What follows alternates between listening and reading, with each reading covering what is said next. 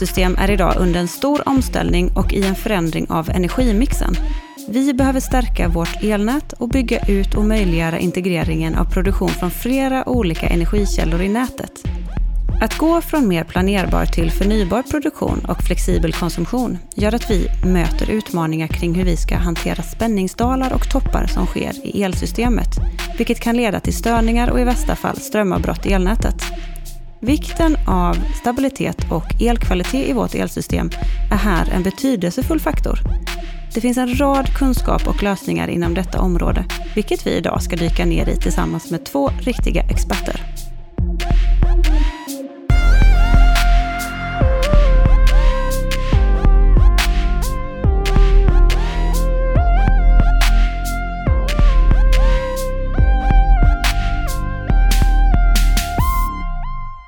Halvarsson har lång erfarenhet av att jobba med lösningar och utmaningar i elkraftsystemen. Han arbetar hos oss på Hitachi Energy, där han haft olika roller inom främst teknik och affärsutveckling. Per brinner för den nära dialogen med våra kunder och leverantörer för att tillsammans komma fram till effektiva lösningar. På fritiden ägnar han gärna sin tid åt segling, vandring och skidåkning. Varmt välkommen hit Per! Tack så mycket! Tack Johanna! Så kul att ha dig med här Per och jag tänker att vi börjar med direkten. Det pratas en hel del om både elkvalitet och elstabilitet. Skulle du kunna förklara skillnaden mellan dessa två termer och varför de är så viktiga? Ja, det var en, det var en bra inledande fråga och eh, det är ett eh, brett område så jag börjar direkt och ger mig på elstabilitet då. Eh, och när vi tittar på Eh, kraftsystemstabilitet så består den utav flera olika delar. Jag väljer att börja och prata lite om frekvens. Och frekvens det är ju någonting som måste vara stabilt hela tiden och hållas nära 50 Hz. Man kan säga att en frekvensavvikelse från 50 Hz visar på en obalans mellan produktion och konsumtion. Och den mer övergripande balansen den löser man med styrning Eh, som också kan automatiseras. Men snabbare stabilisering av frekvensen är krävande och här ökar behovet av snabb reglering i och med att vi kompletterar på produktionssidan med eh, mer förnybart, exempelvis vindkraft. Och frekvensen det är en fråga som är gemensam för hela det sammankopplade kraftsystemet, exempelvis det nordiska. Och nästa stabilitet jag vill ta upp det är spänningsstabilitet. För spänningen den kontrollerar man lokalt och spänningen behöver vara stabil under normal drift och i, och i största möjliga mån stabiliseras i samband med störningar, exempelvis då åska och fel. Och speciellt direkt efter att ett fel har kopplats bort i nätet så är det viktigt att styra spänningen för att undvika spänningsstabilitetsproblem, exempelvis spänningskollaps. Det är viktigt att styra spänningen då i stort sett alla laster är konstruerade för att spänningen ska vara stabil inom ett visst område. Och spänningen styrs lokalt med hjälp av reaktiv effekt och reaktiv effektstyrning det är ett effektivt sätt att styra spänningen även när det gäller energieffektivitet. Så även för stora industriella laster så är det viktigt med en stabil spänning. Det är viktigt för att produktionen ska fungera störningsfritt men även för att stora laster kan innebära störningar för andra förbrukare. Och här närmar vi oss även begreppet elkvalitet som då handlar om spänningens kvalitet där delar som övertoner, och obalanser med mera ingår. Så då tänkte jag komma in lite på lösningar. Och då börjar jag med spänningsstabilitet och elkvalitet. Här mm. har vi då en stor kraftelektronisk lösning som kallas för Statcom. Och Statcom den har genomgått mycket utveckling och förbättringar på senare tid och den här utvecklingen har drivits av förändringarna i kraftsystemet. Främst är det förändringarna på produktionssidan där en ökad mängd förnybart kopplas in på nätet och det är det som driver behovet av en förändrad eh, Statcom-lösning. Är det här lösningar på elstabilitet eller elkvalitet? Ja, det är en jätteintressant och bra fråga för att det är faktiskt så att eh, just en Statcom är bra för båda. Eh, så okay. Eh, en Anläggning består av en kraftfull kraftelektronisk omriktare, en anläggning, och den där reglerar reaktiv effekt och den löser lokalt då och även regionalt spänningsstyrningen och skyddar vid olika störningar. Statcom-anläggningen jobbar även vid fel i nätet och bidrar, bidrar då till att minska risker för exempelvis spänningsstabilitet, spänningskollaps. Men som jag också sa då, även så används Statcom för stora industrier och då är det mer för elkvalitetsrelaterade frågor. Okej, okay, och sen lite senare i avsnittet så har vi ju en från eh, SVK här. Är det här med elstabilitet, är det på SVKs ansvar att eh, upprätthålla det i nätet? Eller är det också för våra, eh, alltså för distributionsnätet också? Ja, det var, där ska vi nog fråga Erik sen. Men, men när jag tänker eh, spänningsstabilitet, då tänker jag på det som inträffar direkt efter att det har varit ett fel i nätet och felet bortkopplas. Och då är det viktigt att man ser till att spänningen återkommer så snabbt som möjligt under kontrollerade former. Och där hjälper Statcom till. Och jag kan tänka mig att det behovet finns eh, i, både i högspänningsnäten och också eh, i eh, regionalnät exempelvis. Mm, Okej. Okay. Mm. Intressant. Men vad, eh, kan du berätta lite närmare om hur vi arbetar med eh, eh, elkvalitet då, och, och elstabilitet kanske. Och, och, och framförallt när man går från det här som du har pratat om, planerbar till förnybar produktion. Har vi något intressant case där som du kan lyfta? Ja, det, det, Statcom används ju idag kan man säga både för nätsidan och för produktionssidan. Statcom-anläggningar används ofta i, i samband med stora vindkraftsanläggningar för att de ska bli så lika eh, en, en genereringsanläggning som möjligt. Men det case som jag skulle vilja prata om det är ett case som heter Stenkullen Statcom och den levererades för ett år sedan. Och, eh, Stenkullen ägs av Svenska kraftnät. Och den anläggningen styr då reaktiv effekt och kan därigenom då styra spänningen i nätet. Stenkullen har ett, ett stort styrområde det är från 200 megavar induktivt till 200 megavar kapacitivt. Där man kan säga att induktivt område används för att sänka spänningen och hantera dynamiska överspänningar och det kapacitiva området för att höja spänningen och i samband med fel då undvika spänningskollaps exempelvis. Stenkullen den är spännande för att den är en av de här lösningarna som hanterar stabilitet eh, och speciellt efter det att produktion har försvunnit i sydvästra Sverige exempelvis då Ringhals, så har man ett stabilitetsproblem som Stenkullen är en av lösningarna till. Och så kanske man kan säga då att den här Statcom-anläggningen är en av de tekniker som möjliggör, möjliggör mer förnybar produktion. Ja, vad spännande. Det är ju såklart jätteviktigt idag när vi integrerar eh, mer och mer förnyelsebart på, i vårt nät. Men eh, den här Statcom har funnits ett tag. Har vi några nya lösningar för att eh, man ser att det kommer liksom nya utmaningar? Och som vi då kanske har modifierat någon befintlig produkt, eller hur, hur har vi någon ny lösning? Ja, först och främst så Ehm, som jag nämnde inledningsvis så Statcom-anläggningen har eh, vidareutvecklats och eh, framförallt då med, eh, med syfte att sänka energiförbrukning och att öka prestanda. Och I samband med det så har det dykt upp en möjlighet kan man säga och det är att, att utöka ehm, de delar där Statcom-anläggningen kan hjälpa till.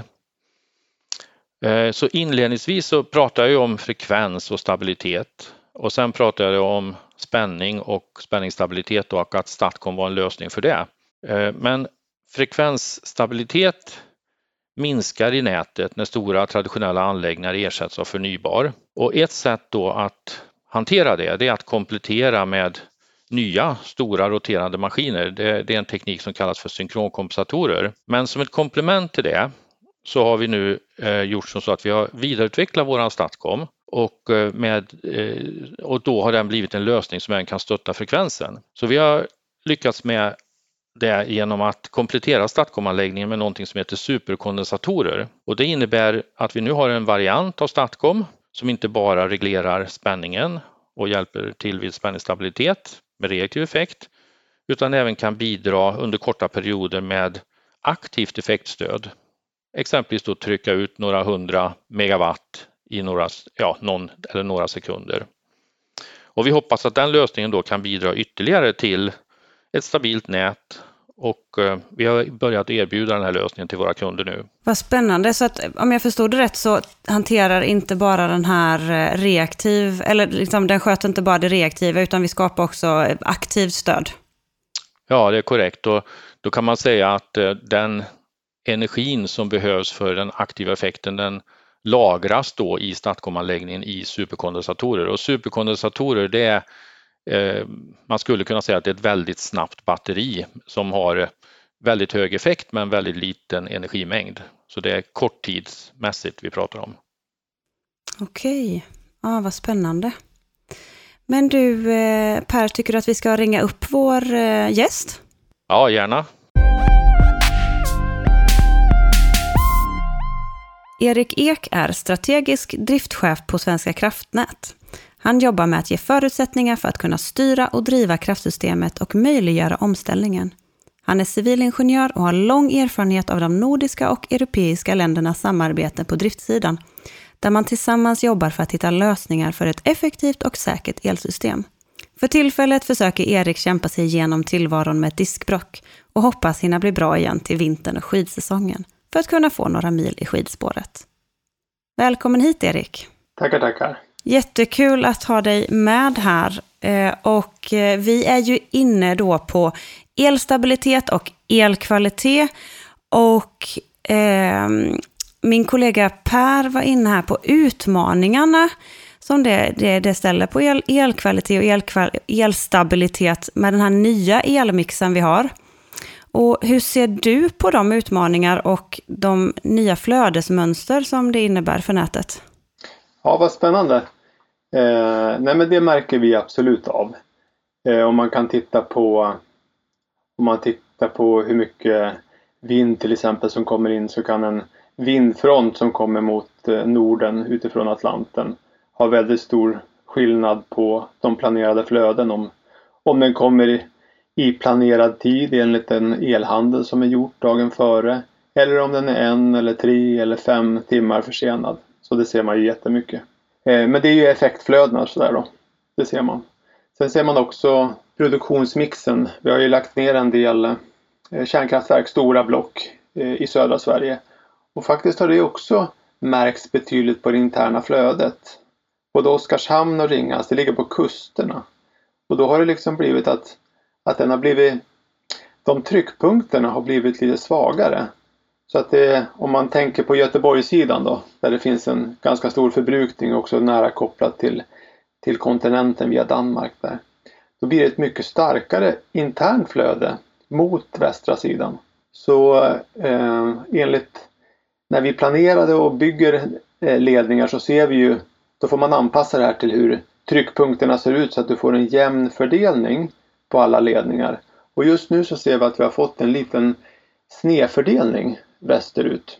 Eh, så, så det är ju absolut sådana saker som vi jobbar med och här behöver vi, eh, eftersom det tar så lång tid att bygga ledningar, så behöver man titta på smart teknik. Vad kan man göra för att eh, lyfta upp kapaciteten? Om det är en särskild ledning, är det möjlighet, möjligt att försöka Eh, förskjuta ledningar, ledningens belastning till andra ledningar som kanske går i mitten av Sverige och så här så att man får maximal kapacitet. En annan utmaning förstås det är om, om man har stora eh, produktionsanläggningar som ger ett starkt spänningsstöd. Och här brukar vi faktiskt prata även på även i spänningsspråk prata om reglerstyrka. Alltså hur stark Eh, är en punkt någonstans i nätet i det stöd den får av omkringliggande produktion till exempel. Det kan vara tekniska anläggningar också som, som Per pratade om. Men hur stark är den för att inte utsättas för, när den utsätts för en störning?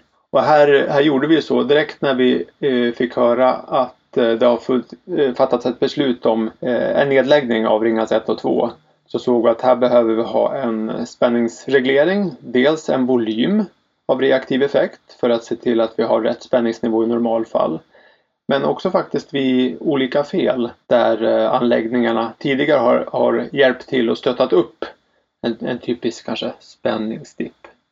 Eh, men här har faktiskt eh, den här anläggningen som var köpt i Stenkulla en Statcom den hjälper till fantastiskt bra även för fel. Och sen har den ju en automatisk reglering så att du kan ju sätta börvärdet på vad du vill att spänning ska reglera på och sen så kör den på. Så att eh, eh, jag tror inte att gemene man som bor på västkusten har märkt av det men har blivit mycket eh, stabilare spänningsreglering där och blivit eh, efter den kom in där. Då. Så det är absolut bra. Sen vet jag inte riktigt, det var ju kul att höra från Per att han, nu har han fixat ett, ett allt i ett paket. Jag hade inte jag hört talas om förut att man även tar in superkondensatorer i ett sånt här paket för att hjälpa till vid frekvensstörningar. Så det, jag, jag ska prata med lite några duktiga ingenjörer internt och höra vad den där har för plats i elsystemet. För, för tittar man på frekvens, vi, vi är ju verkligen utmanade i, i Norden. Vi har ju hittat nya lösningar när vi ser att eh, rotationsenergin i systemet, när det går ner så blir liksom trögheten i systemet, den, den blir lättare så att den blir lättare påverkad. Och det betyder egentligen att om man, om man knuffar till systemet så får du en snabb förändring. Och i det här fallet skulle en knuff vara att man tar bort en stor produktionskälla, en HVDC-länk som har maximport kanske. Vi kan ta den från eh, England till Norge då. Eh, om den går på 1400 in till systemet så försvinner den. Då blir det en väldig frekvensdipp. Mm. Och här har vi, har, vi, har vi sett det. Okej, okay, när rotationsenergin är låg, då måste vi göra någonting. Så vi har utvecklat en produkt som många kan vara med och bidra i och det kallas för FFR. En Ferrari-reserv brukar jag säga, en supersnabb reserv som går in. Och det kan typiskt vara att en eh, förbrukning kopplas bort och direkt så får man det här svaret. Och jag kan tänka mig att det är det som då Per och Hitachi har, har klurat ut att det kanske behövs en energiinjektion precis i det där fallet så att du inte kommer så långt ner i frekvens så att man riskerar att koppla bort kunder eh, där man går i andra sådana här skyddsåtgärder, skyddssystem som vi har byggt in för låg frekvens att man faktiskt kopplar bort förbrukning automatiskt när frekvensen är för låg för att rädda helheten av systemet. Så det är möjligt att det kan vara en, en, en del av den framtida lösningen. Ja, det är spännande. Men eh, jag bara tänkte, hur snabba förlopp är det? Det är, det är absolut eh, sekund. Okej, okay, det är sekundbasis. Man, man har bara några mm. få sekunder när den här derivatan, alltså när, när det sticker ner i frekvensen. Och sen så kommer eh, olika hjälpsystem, eh, alltså automatisk reglering och fånga upp frekvensen. Men frekvensen får inte åka ner för långt ner eftersom allt i systemet, generatorer och förbrukningar och industri, de är ju eh, satta för att klara vissa nivåer. Så att man, man får definiera en säkerhetsnivå för eh, mellan vilka värden man vill att frekvensen ska ligga på i ett system. Mm, just det. Ja, så spännande verkligen. Det är mycket att ta hänsyn till förstår man när man hör dig eh, prata. Eh, och eh, vi, vi var inne på det in, tidigare lite, att allt går ju fortare nu och man går över till kvartsavräkning. Alltså 15 minuter pratar vi om här ju. Eh, vad för spännande lösningar har ni på gång för att möta det behovet? Och eh, hur passar tillägg av till exempel elbilar in i elsystemet? Är det någonting ni, ni liksom tittar på? Och vad behöver vi göra helt enkelt för att säkra en bra flexibilitet? Ja, men, eh, eh, hur, eh, ja precis när allting går fortare. Ni kan ju bara tänka er eh, och det tänker man kanske inte i vanliga fall. Ja men man knäpper på strömbrytaren och så får man sin el där hemma i, i rummet. Men eh, det är ju faktiskt eh, massa människor som jobbar för att det här ska regleras. Och om allting går fortare då får man antingen sätta in mer folk eller så får folket jobba bra mycket snabbare. Fyra gånger snabbare. För förut har det varit tim, timavräkning och nu blir det kvart och kvartshandel. Och det går inte att jobba snabbare och fortfarande få en överblick. Så vad man gör det är förstås att, att eh, vi kommer att automatisera frekvensregleringen, balanseringen då. Och det är ju, det är ju effekt vi pratar om här. Så att eh, dels så kommer den här 15 minuters avräkningen den kommer ju egentligen göra balansen, det blir lite mjukare reglering. Ni kan ju tänka er om det är timavräkning. Då skickar en producent eller en elhandlare, man skickar in sina bud till börsen och så handlar man det per timme. Så precis klockan sex eller sju så går ju produktionen in som en spik, alltså som ett trappsteg. Och det är ju inte så Eh, jag och Per vi vaknar ju inte precis samtidigt och slår på brödrosten samtidigt och allt vad vi gör. Utan det är en mycket mjukare del. Så att den här 15 minuters handeln är någonting positivt. Det kommer att kunna följa förbrukningskurvan ännu bättre. Men det är klart att om man tänker på att allting handlas på 15 minuter så gäller det ju att en operatör som sitter och ansvarar för att det blir en bra frekvens i Norden. Den tittar på frekvensen och ser att jaha, nej men nu behöver vi nog reglera upp lite grann, frekvensen går ner. Problemet är att det, eh, de här reglerbuden är, tar 15 minuter att reglera upp. Då, då har du ju redan en ny handelsenhet på nästa kvart som har förändrats och det är inte säkert att du ligger under frekvens då. Men vad, man, vad vi behöver göra då det är att vi, vi behöver faktiskt från att, att reglera på frekvensen så behöver vi reglera på den prognoserade frekvensen. Vi behöver också utifrån det här med flöden som vi pratade om förut. Varje elområde kommer ju ha sin profil på hur mycket väderberoende last man har. Och blir det snabba förändringar där så gäller det att du ska kunna balansera obalansen där den uppkommer. Annars så blir det ju stora eh, flöden i nätet. Mm. Alltså som, som måste mm. överföras. Som mm. inte är med i, i el, eh, elhandeln. Mm. Eh, så att vi, vi eh, tillsammans i Norden så eh, tittar vi på hur vi ska få ett, en ny metod för att säkra en balansering med mer väderberoende, mer saker som går snabbare och kanske framför allt när flexibiliteten kommer in. Jag hörde att du nämnde det här med bilar. Det är jätteintressant. Mm. Mm. Men det, det, är mycket flexibel förbrukning som kan vara med. Mm. Då kommer det ju vara ganska små bud också. Just det. Och det är ju inte, har du en megawatt så kan du inte ha en operatör som aktiverar det, det går alldeles för långsamt. Mm. Men då kan man då lägga in fler, det kommer komma in fler bud, små bud och som då kommer att aktiveras av den här algoritmen eller superdatorn som vi har som tittar och vad är obalanserna? Var ska det regleras? Ja, titta, här är det X elbilar som står. Ja, men då stänger vi av dem här så blir det en, en förbättring för det här området och för totala frekvensen. Så att eh, det gäller att använda den nya tekniken smart och det kommer vi att göra. Så att det här blir ju en del av lösningen. Mm. Ja, vad spännande. Det är mycket som behöver göras och jätteroligt verkligen att uh, höra dig berätta om allt det här. Ja, det är spännande. Och, och jag menar den här uh, automatiseringen av balanseringen. Det är absolut det största som jag har varit med i förändringen. Så det blir kul att se. Men även om man tycker att det är en stor utmaning så har vi ju jättestora spännande utmaningar som vi ska lösa också inom spänningskvalitet som Per pratade om. Man tänker att mer och mer av eh, elproduktion kommer att kopplas med kraftig elektronik om man tänker på sol och vind och sådär och kanske att den går ännu längre ner i spänningsnivåer. Då måste man ju se till att varje punkt i nätet eh, är tålig för spänning. Så att du har en bra kvalitet och stabilitet i nätet. Eh, men också att du inte, men vi kan inte slänga in eh, Pers eh, super, superprodukt i alla våra punkter utan man behöver också använda hela nätet. Så det finns ju mycket reglerande utrustningar också i underliggande nät.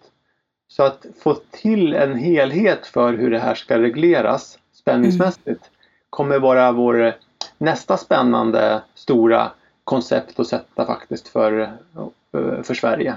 Så det blir spännande också.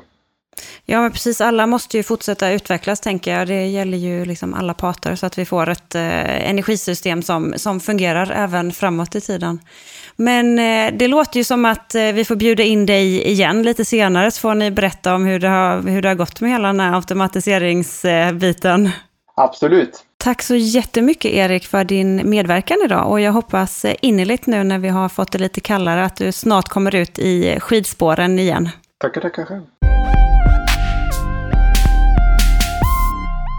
Per, du har ju suttit och lyssnat med här nu när vi har hört Erik berätta. Eh, har du någon reflektion på vad han, eh, han pratat om?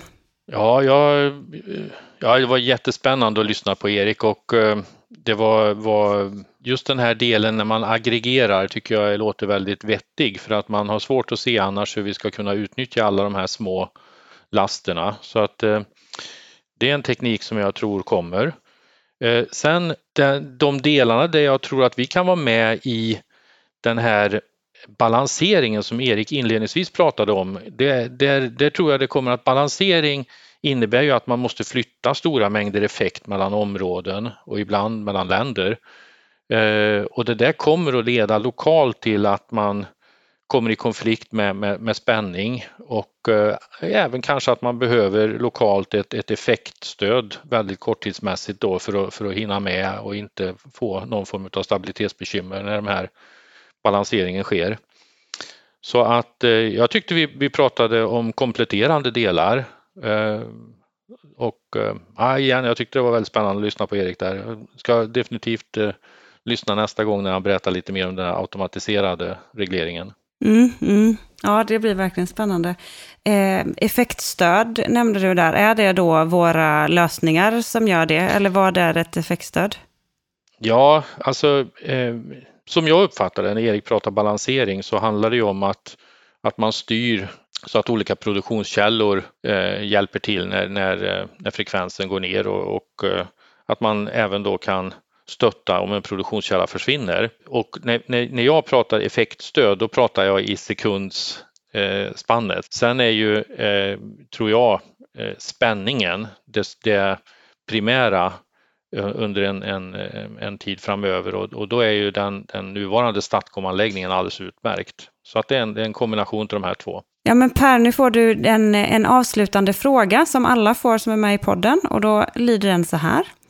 Om du med en magisk pensel fick måla om hur vi arbetar med elstabilitet, vilka förutsättningar skulle du önska vore annorlunda och hur skulle man gynnas av det?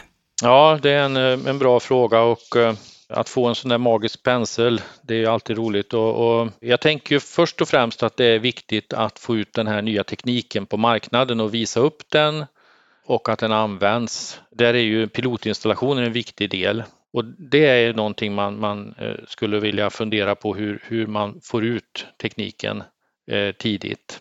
Men eh, eh, sen så, så vill jag också då komplettera det med att all den här tekniken som Erik och jag har pratat om är ju, är ju egentligen till för att, en, att det ska ske en förändring i energisystemet som gör att eh, vi får mer och mer förnybar produktion och ett, ett mer hållbart Eh, Eh, system framöver och jag tycker att det är någonting som jag hoppas och med, med min magiska pensel då så skulle jag vilja locka fler ingenjörer och ta den här utmaningen att jobba med den här tekniken både hos oss som, som tillverkare och hos Erik som, som, som eh, ägare utav kraftsystemet för det är, det är väldigt spännande och det här är ju oerhört viktigt. Det här är ju en del utav att, att, eh, att få till ett förnybart samhälle framöver med, med en bra produktionsmix.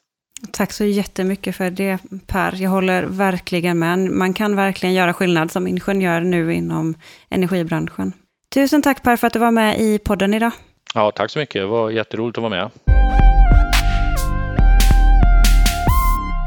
Vilket intressant eh, samtal vi har haft här idag. Så roligt att prata med både Per och med Erik och få en större insikt i vilka utmaningar vi står inför i vårt eh, elsystem. Och ehm, elkvalitet, elstabilitet är superviktigt och eh, SVK jobbar på det och det finns tekniska lösningar. Så att det blir spännande att se hur det kommer se ut framöver.